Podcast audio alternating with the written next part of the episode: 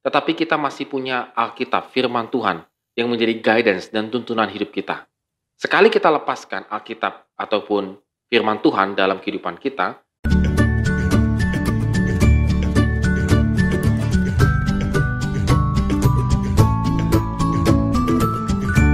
Morning Good Readers, hari ini kita kembali merenungkan firman Tuhan, tetap semangat, tetap optimis dalam menjalani hidup ini, karena kita yakin Tuhan selalu memberikan yang terbaik bagi kita yang selalu mengandalkan Tuhan dalam setiap perkataan dan perbuatan kita. Dan kita akan merenungkan dari 2 Tawarikh pasal 24 ayat 1 sampai dengan yang ke-27. Ya, kalau kita perhatikan boleh dikatakan ada dua fase yang dialami oleh uh, Raja Yoas. Yang pertama adalah saat dia di bawah bimbingan Imam Yoyada dan hidup takut akan akan Tuhan. Yang kedua, fase yang kedua adalah saat ia memilih meninggalkan jalan Tuhan sesudah kematian Imam Yoyada. Inisiatif yang baik dari Yoas tampak saat ada kebutuhan untuk membangun rumah Tuhan dan perlengkapannya. Yoas yang mengingatkan Yoyada hukum Musa dalam hal mewajibkan pengumpulan pajak. Informasi itu disambut dengan sukacita oleh segenap umat. Dan raja memimpin pekerjaan, menyalurkan dana, dan menunjuk tukang. Dengan demikian, peribadahan berjalan lancar tanpa henti sepanjang umur Yoyada. Namun sejak kematian Yoyada, perilaku Yoas berubah drastis.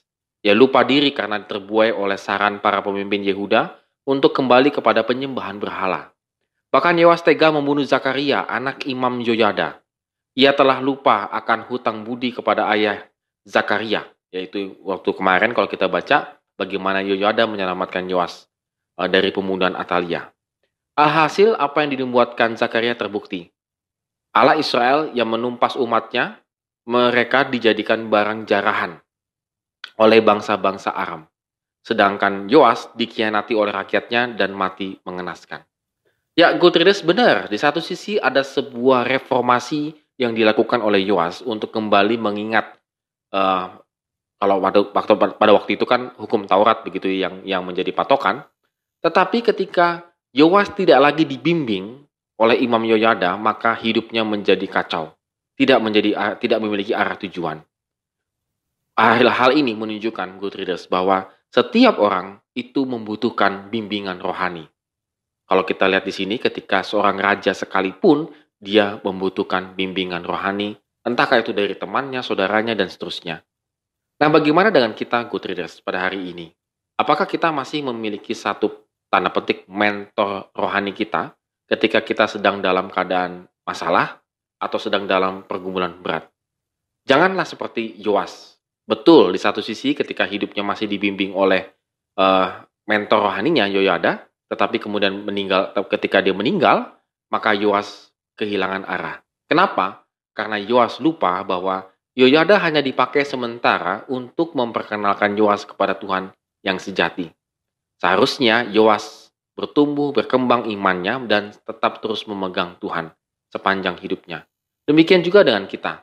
Kalau pada saat ini kita punya mentor rohani, ataupun kita tidak memiliki pembimbing rohani yang tepat, tetapi kita masih punya Alkitab, firman Tuhan, yang menjadi guidance dan tuntunan hidup kita. Sekali kita lepaskan Alkitab ataupun firman Tuhan dalam kehidupan kita, maka tidak tertutup kemungkinan kita akan seperti Joas. Seperti layang-layang putus, akhirnya terbang layang-layang di bawah angin entah ke mana. Kalau ke tempat yang bagus-bagus, tapi kalau ke tempat yang jelek ya jelek gitu ya. Dari sini good readers, mari kita renungkan firman Tuhan. Bagaimana kita masih membutuhkan Tuhan sebagai pendamping hidup kita, bimbingan Tuhan dalam kehidupan kita. Dan Tuhan bisa memakai orang-orang di sekitar kita untuk kembali menuntun kita ketika jalan kita salah atau keputusan-keputusan kita tidak tepat. Oleh karena itu, kembali lagi, Good Readers, mari kita renungkan firman Tuhan, dan biarlah ini menjadi rema dan kekuatan pengharapan kita pada hari ini. Amin. Have a nice day and God bless us.